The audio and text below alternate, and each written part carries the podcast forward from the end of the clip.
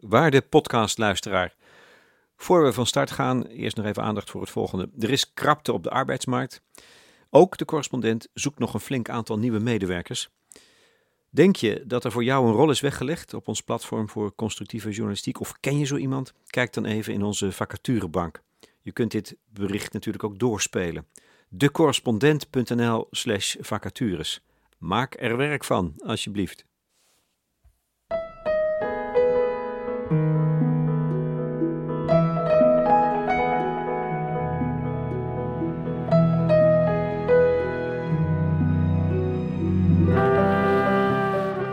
Goede gesprekken bij de correspondent. Ditmaal met de Spaanse schrijfster Irene Vallejo over haar boek Papyrus. Een geschiedenis van de wereld in boeken. We are amazed of past and that's the reason why we can imagine the future, you know, because we have these stories about the past and we and we can um, um, discuss causes and consequences, and, and, and we have this experience about human issues, and that's the materials with which we imagine the future. And we are the only animals that uh, have knowledge about our ancestors. Uh, you know, a dog or a horse cannot imagine the world before uh, they were born.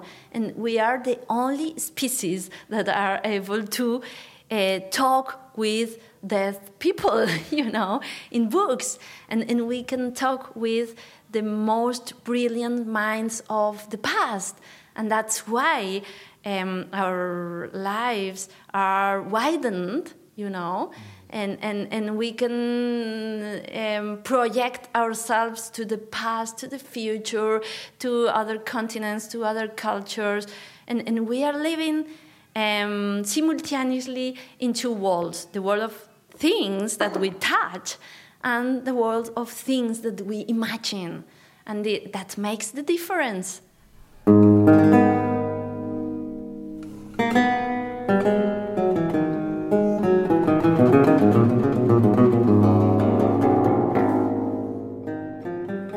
We zijn gemaakt van het verleden. We praten met dode mensen in boeken. En daarom kunnen we ons de toekomst voorstellen. Irene Bayago ten voeten uit is dit. Bij elke zin spatten de gedrevenheid en het enthousiasme ervan af. Dit is ook wat haar boek zo meeslepend maakt. Papyrus, een geschiedenis van de wereld in boeken. Het is een hartstochtelijke ode aan het boek, het schrift, het alfabet, de taal, de bibliotheek, het verhaal. Al die dingen die de kern vormen van onze beschaving. Dit gesprek vond plaats op donderdag 22 september, jongsleden in Amsterdam. De schrijfster was even over voor een promotiebezoek. En zoals je hoort, spreekt ze enigszins traag, ongetwijfeld een stuk langzamer dan in het Spaans en met een zwaar accent. Maar ze is redelijk goed te verstaan. En toch gaan er dingen verloren. Een stukje van een zin soms en dan verlies je de betekenis. En daarom heb ik ervoor gekozen om niet het hele gesprek te verwerken in deze podcast. Ik licht er een aantal van de mooiste stukken uit, omdat het toch fijn is om haar te horen spreken. Wie het hele gesprek wil horen, verwijs ik, nou voor deze ene keer dan, naar de gesproken versie. Waarin ik ook kwistig rondstrooi met uitgebreide citaten. Ik spreek Vallejo in het Ambassadehotel in Amsterdam, waar uitgeverijen graag afspreken, want er is daar een ruimte vol boeken met portretten van schrijvers aan de muur. Nog voordat ik mijn eerste vraag kan stellen, steekt ze van wal dat het een eer is voor haar I feel privileged because you know this book was born so small and humble, and I was convinced that it would pass notice, and everything has come as a surprise, and I've taken back aback by the response of the public. So yeah. Heb je een verklaring voor het succes dat je zo verrast heeft? I think humanities have been devalued and sidelined for the last decades. And, you know, maybe we are feeling thirsty. the story of books is also the story of, of, of humankind. And, you know, it's, it's about us, about our ideas, about our discoveries, and our obsession to make them last on and survive. And it's, yes, it's, it's, it's, it's about history, it's about, you know, the survival of our best stories, ideas, and verses and poetry and approaches to beauty. Het is het overleven van het mooiste wat de mens bedacht heeft. Helemaal aan het einde van het boek plaatst Vallejo zichzelf in één lijn met vrouwenfiguren als Penelope en Scheherazade. Ik lees: Door de tijd heen zijn het vooral vrouwen geweest die s'avonds de kluwen van verhalen afwonden. Zij waren de weefsters van vertellingen. Eeuwenlang hebben ze verhalen gesponnen terwijl ze hun spintol lieten draaien of de schietspoel van het weefgetouw heen en weer bewogen. Zij waren de eerste die het universum voorstelden als een netwerk. Ze verknoopten hun blijdschappen, illusies, angsten en diepste overtuigingen. Ze gaven de eentonigheid kleur. Ze vervlochten werkwoorden en wol, adjectieven en zijde.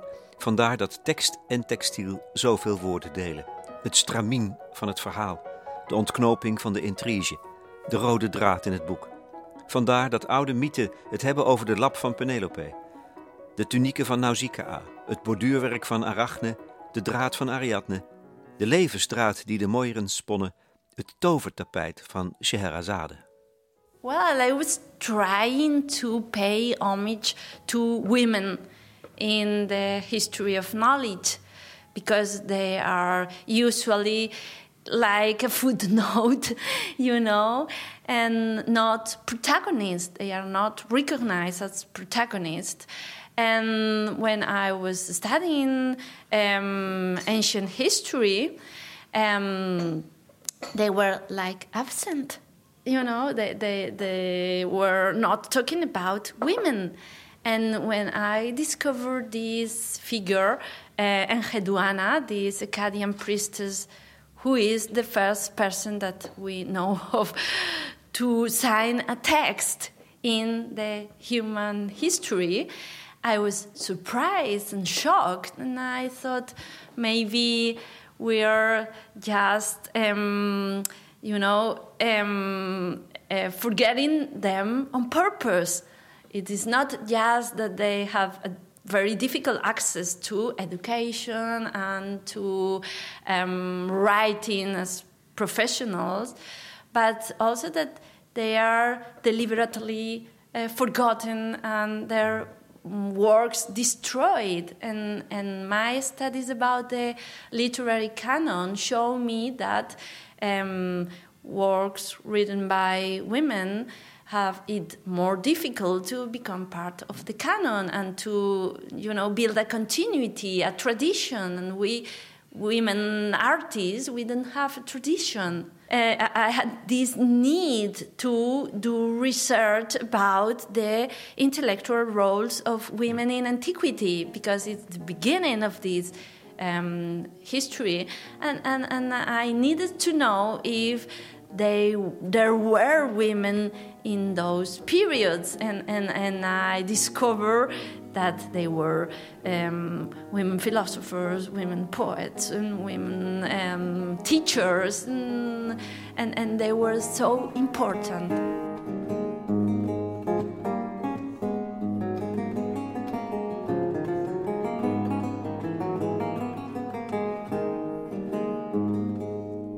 Met een magnifieke verzameling boeken in de hand schetst Rene Vallejo een levendig beeld van de klassieke oudheid. Bouwder gesteld, um, de imperia van de Grieken en de Romeinen zijn gebouwd op boeken.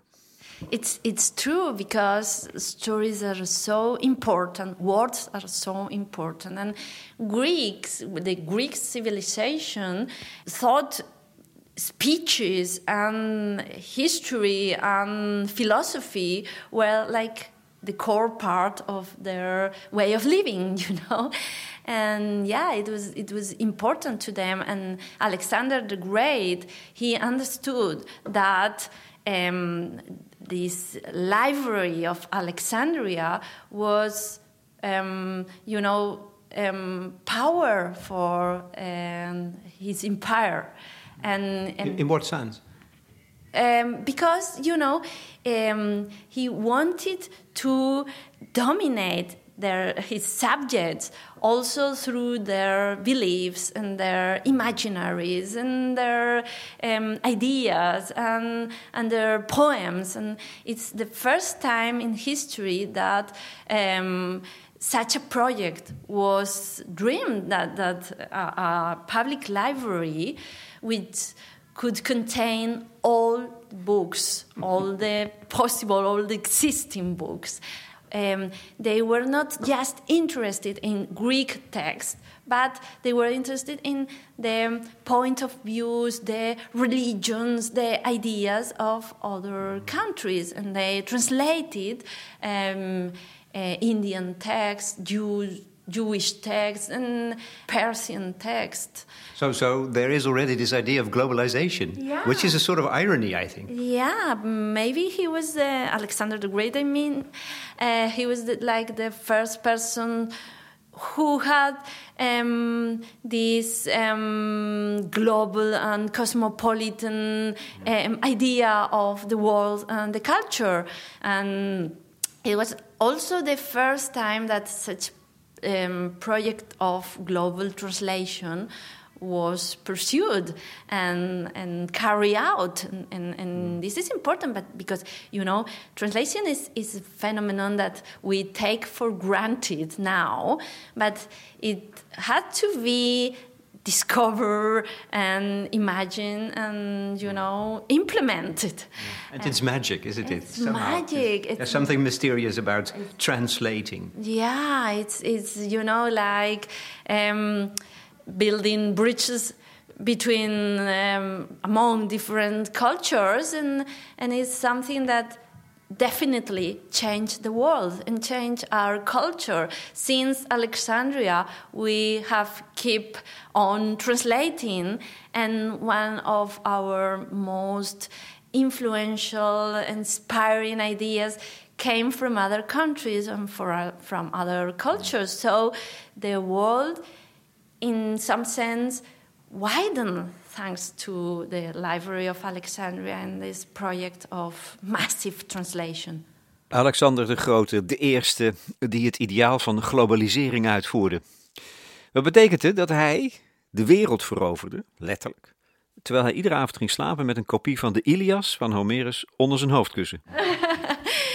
that means that he was um, um, irrepressible reader and he loved books and, and, and maybe he was like living inside the Iliad, you know, because he was trying to make it happen and and he was obsessed by Achilles and this character, this hero, and he was trying to live up to his, um, you know, to to his heroic um, um, achievements. So yeah, he was uh, Alexander the Great was kind of um, Quixote, you know. He was trying to live into a book and trying to begin to, into a poem, into an epic poem. He was he, he, he wanted to be the protagonist of an epic poem, and he was trying hard to, to do it. Mooi is dat uh, Homerus meets Cervantes en zijn Don Quixote. Maar laten we niet vergeten dat de verspreiding van het boek in, dat, uh, in die zegentocht van Alexander ook gepaard ging met geweld. Heel veel dodelijk geweld. Ja, de mens is een ambigu wezen, schrijft Irene Vallejo.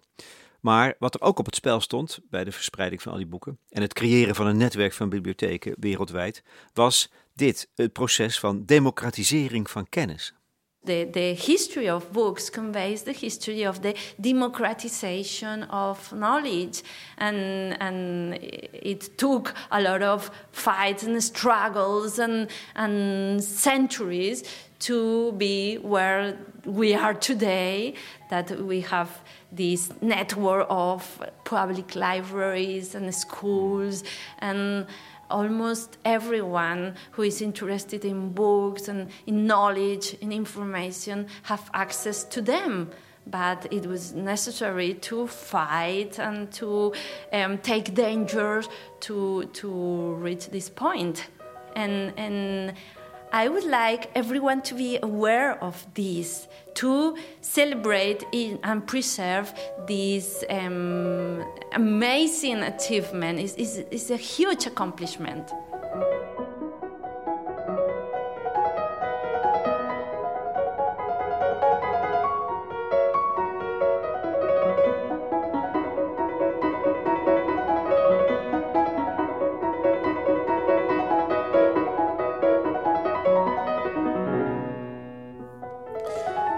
Symbool voor dit alles is de bibliotheek van Alexandrië. De droom van Alexander, uitgevoerd door Ptolemeus I, zijn boezemvriend en generaal. Ze wilden een bibliotheek stichten voor de monding van de Nijl, waarin alle beschikbare kennis, alle literatuur van de hele wereld verzameld zou worden. In die bibliotheek, die echt eeuwenlang bestaan heeft, was het overigens niet stil. Men las nog hardop, want het orale is de bron van de literatuur. Vallejo schrijft daar veel over, ook als een herinnering aan de stem van haar moeder, die vroeger altijd verhalen vertelde als ze ging slapen. Des te dramatischer is een korte passage halverwege het boek, waarin ze naar geestige herinneringen aan haar jeugd ophaalt. Het is alsof daar een luik open gaat. Ik lees: Het ergste was de stilte. Destijds was er geen woord om het te benoemen. Je kon zeggen: In de klas word ik uitgelachen, of dramatischer: Op school word ik geslagen maar dat raakte alleen de buitenkant van de werkelijkheid. Je hoefde geen röntgenapparaat in je ogen te hebben om te zien hoe in het hoofd van de volwassenen meteen een diagnose werd gevormd, gezeur van kinderen. Het was de vroege onthulling van een tribaal, primitief mechanisme van een roofdier. Mij was de bescherming van de groep ontnomen. Er was een imaginair hek en ik stond daar buiten. I'm, I'm happy that you um, highlight this this particular chapter of the book. Uh, this passage is um, like short part of the book, two pages, but it's hugely important uh, for me because it's the reason why I'm so attached to books because they rescue me in a moment of despair and suffering and can you can you tell me what happened? Yeah i suffered a bullying at school when i was like 8 years old. And and and i felt so despair and helpless. I was so little and, and, and I didn't have the tools to, you know, resist and, and, and, and save myself. So I start thinking that there was something wrong with me when everyone around me was um, so violent and was attacking me. And, and books were my safe haven. Shelter. Yeah, my shelter and, and, and, and I found refuge there, not in the sense that I was um, like avoiding to face reality, but books um, gave me hope. Hope that the world was larger than my school, and people who wrote those books were more close to me were people who could understand me. And the reason i the reason why i was uh, suffering this uh, bullying was precisely my curiosity my um, creativity something that they didn't understand. And they maybe they they found it was something against them, you know, and, and something to, to diminish them. And that was not the reason why I was feeling, you know, this, this hunger for knowledge and for learning. And, and, and, and yeah, books were my salvation. Nogmaals, het ergste was de stilte, de wet van de stilte. I, I was told then not to um, reveal what was happening to the teachers, to the adults, to my parents, and this was like, uh, you know, this low silence um, that was working uh, among students, among my mates, and being like the blow whistle, Yeah, you yeah. know. Um, it was the worst thing that one could um, become in, in at school, you know, and and, and and and I accepted this law of silence. I didn't um, talk about it with my parents, and and, and I accepted it. I, I thought it was kind of dignity in in not um, revealing and not um, asking for help, and and then um, through books and reading, I understood that I was mistaken, that I should have asked for help, and that maybe becoming a writer is the definite way to become a professional, um, you know, um, blow, blow whistle. and I think that's what literature is about, you know, um, talking about issues and topics that are not easy in, in our, in our social interactions and in daily life. And these hidden subjects, these um, issues that uh, remain in the shadow, is precisely what we explore in literature, you know. And that's why literature is so important because we we find there the tools to deal with to cope with realities that in um, daily life are hidden like they didn't exist but they do and and we need you know the words the the ideas the the tools to to face them De man van Irene, Enrique, is aanwezig bij het gesprek. Hij is haar steun en toeverlaat. En op dit moment wijst hij zijn vrouw erop dat er nog een eh, zeer persoonlijke kant zit aan het schrijven van papyrus. Ze waren in die periode net vader en moeder geworden. I wrote this book in a very painful period of my life because uh, we had um, a child uh, who was born with serious uh, health problems. And we had to face a long hospitalization, and, and he was suffering um, from a serious condition. And, and we were desperate and anxious about it. And again, books were my refuge.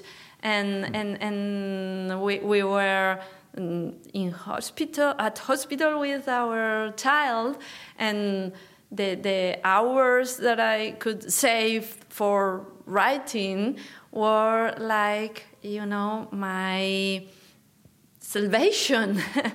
The the only um, you know the, the only coin of my life that I not that, that was not invited by um, fear uncertainty.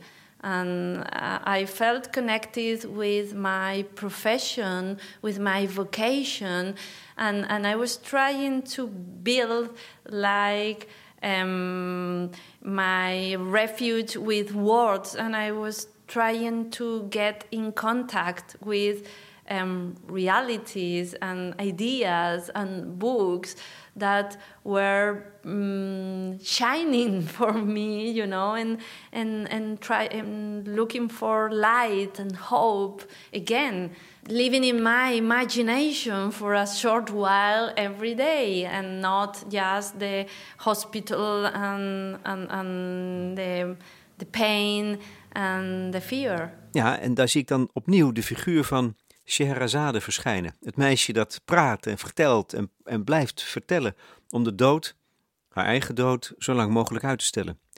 Het schrijven van dit boek was voor Irene Vallejo een poging om het einde van het schrijverschap zo lang mogelijk voor zich uit te schrijven. Want ze dacht namelijk dat het haar laatste boek zou worden. Yeah, yeah. When I was writing it, in fact, it's true. Uh, I thought it would be my last book, you know, because uh, the other mothers that I met in hospital, uh, they were um, giving up their works in order to take care of their children.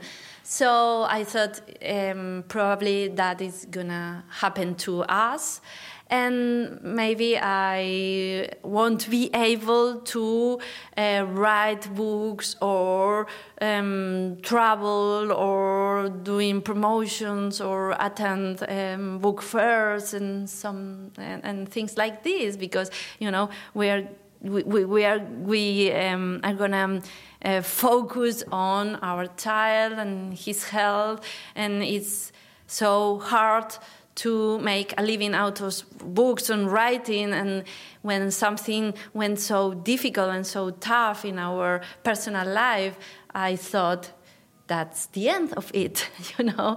And and may, and, and that's the reason why i decided to write a book about books because it was like my farewell to books and my homage to books. It was like mm, I, I, wanted to say goodbye and thank you. Thank you for the pleasure and happiness that books have uh, given to me. So it's like an homage and, and, and like, and like my farewell words to books and reading. And, uh, and I thought becoming a writer was like um, a, a, a dream that was too big for me and, and, and I had no contacts and, and I had no, you know, an, an, an, an economic, uh, uh, an economic situation that um, allows to, you know, um, devote myself to writing. I, I, need to, to earn money.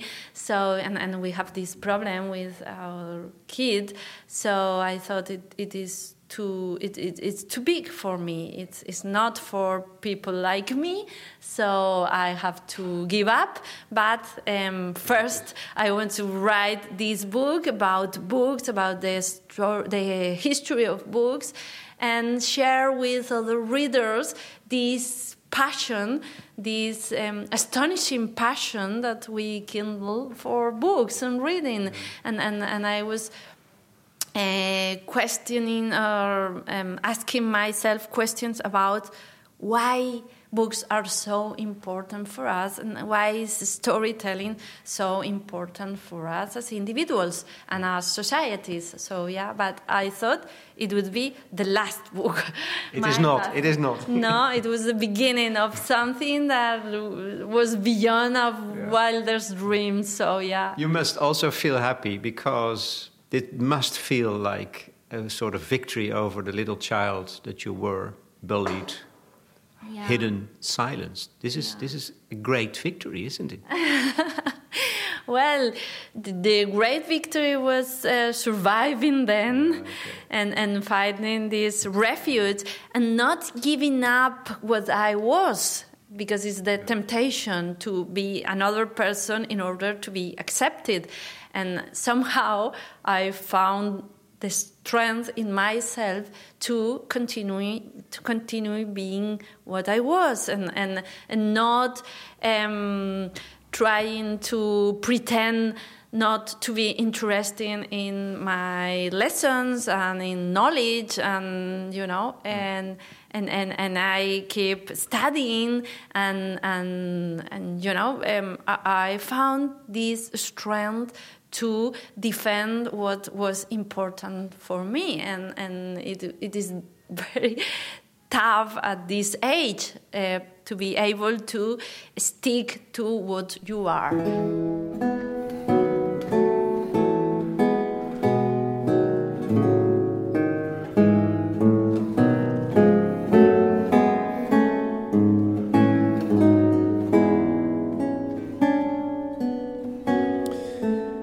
Slot komen we te spreken over de kracht van het verhaal, van storytelling.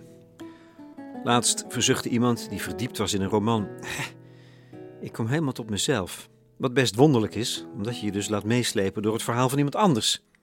We hebben verhalen nodig, vindt René Vallejo, als een manier om geestelijk gezond te blijven. Stories help, help us to make sense of the chaos of reality. You know, we have um, so these perceptions that are chaotic, without an order, without a sense, and and we need to make sense of what's happening. And, and, and to make sense is to build a story, mm. to build a story uh, that we are protagonists of. And this is, um, you know, neurologically, being healthy is being able to tell your own story. Where do you come from, where the, the moment you are now, and the prospect for your future. And these, the, those are the healthy person. Uh, uh, people, people who is able, who are able to tell their own story and we need it in order to, um, to, to wake up every morning, to have a sense of, of, of um, we are pursuing something, or we have plans, and we have ideas, and we have memory, and we are in contact with our roots and our ancestors, and we need to expand into a whole story of our own, which is connected with the stories of people around us and with our families. And when when someone um, uh, ignores their ancestors, their, their stories, this is a problem. This is an inner problem. And when, when a part of this story is missing, when the past is missing, or when the future is missing, because we don't have an idea, a plan, a prospect, uh, a hope, and when this, this part of our story is missing, we are having uh, you know, psychological problems. So we are uh, stories. If we, uh, what are we if not stories? Ooit legde ik een rabbijn, Eli Wietlau, de vraag voor: waarom is het vertellen van verhalen in de Joodse cultuur zo'n essentiële manier om wijsheid over te dragen? Hij moest even eh, een paar tellen nadenken en zei toen: omdat alles erin zit in een verhaal. Dat antwoord is mij altijd bijgebleven. Ja, Yeah, it's true, and and and uh, I love this question because um, you know it's it's in the origin of my book Papyrus. When I was teaching at university, I observed my students, and I realized that they were more impressed by stories than by abstract arguments and ideas. so we insist on teaching ideas and abstractions when um, stories are more powerful vehicles of knowledge. So whenever I told a story with a biography, um, um, some danger, some you know, the, the you, you, want to know. You yeah, want to know what's you happening. To know, and you remember it. It's like yeah. craving your memory because we have a special connection with stories that we don't have with abstract ideas. So my project was um, what if I came up with a story, a history of books that is made of stories, and everything that I want to to to tell is inside his stories, and it's trying to reclaim the power of stories as a vehicle for knowledge.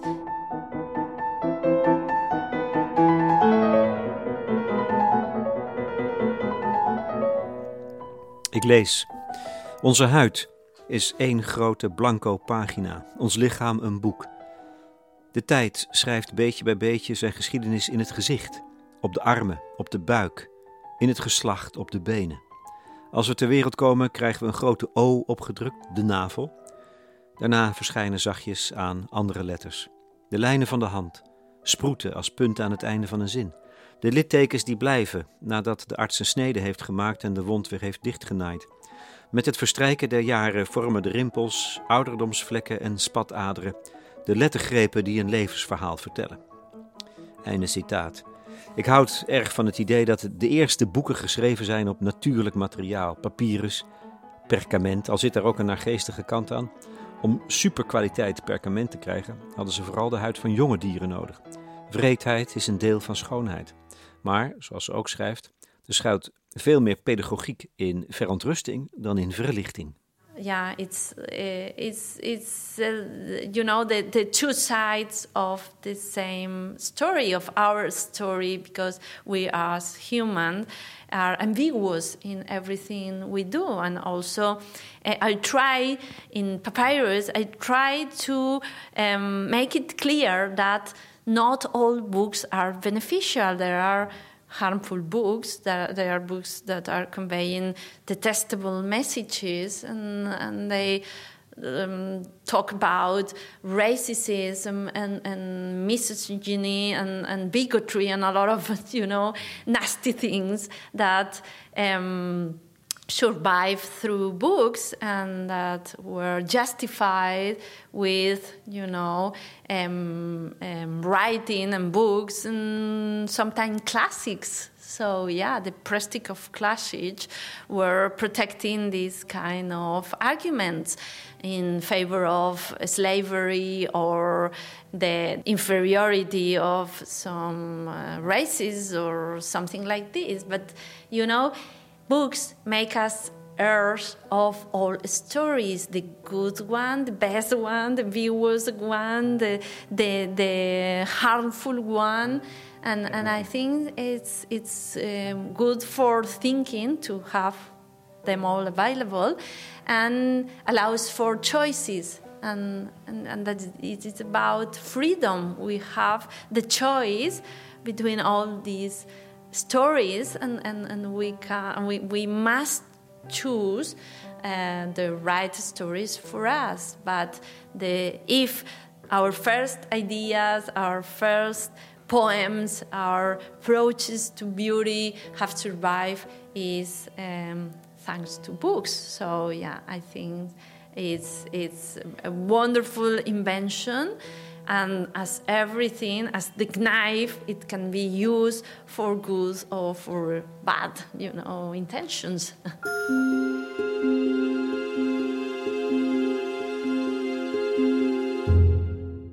Irene Vallejo in gesprek met Lex Bolmeijer voor de correspondent. Over haar boek Papyrus, een geschiedenis van de wereld in boeken. Dit was een sterk beknopte versie van het interview. Het hele verhaal lees je op de correspondent, ons platform is toegankelijk voor leden en je bent al lid voor negen tientjes per jaar. Met de muziek hoopte ik je mee te nemen naar een wereld van schoonheid en tijdloosheid. Kapsberger door Fred Jacobs op de Tiorbe en een sonate van Scarlatti door Christian Zacharias.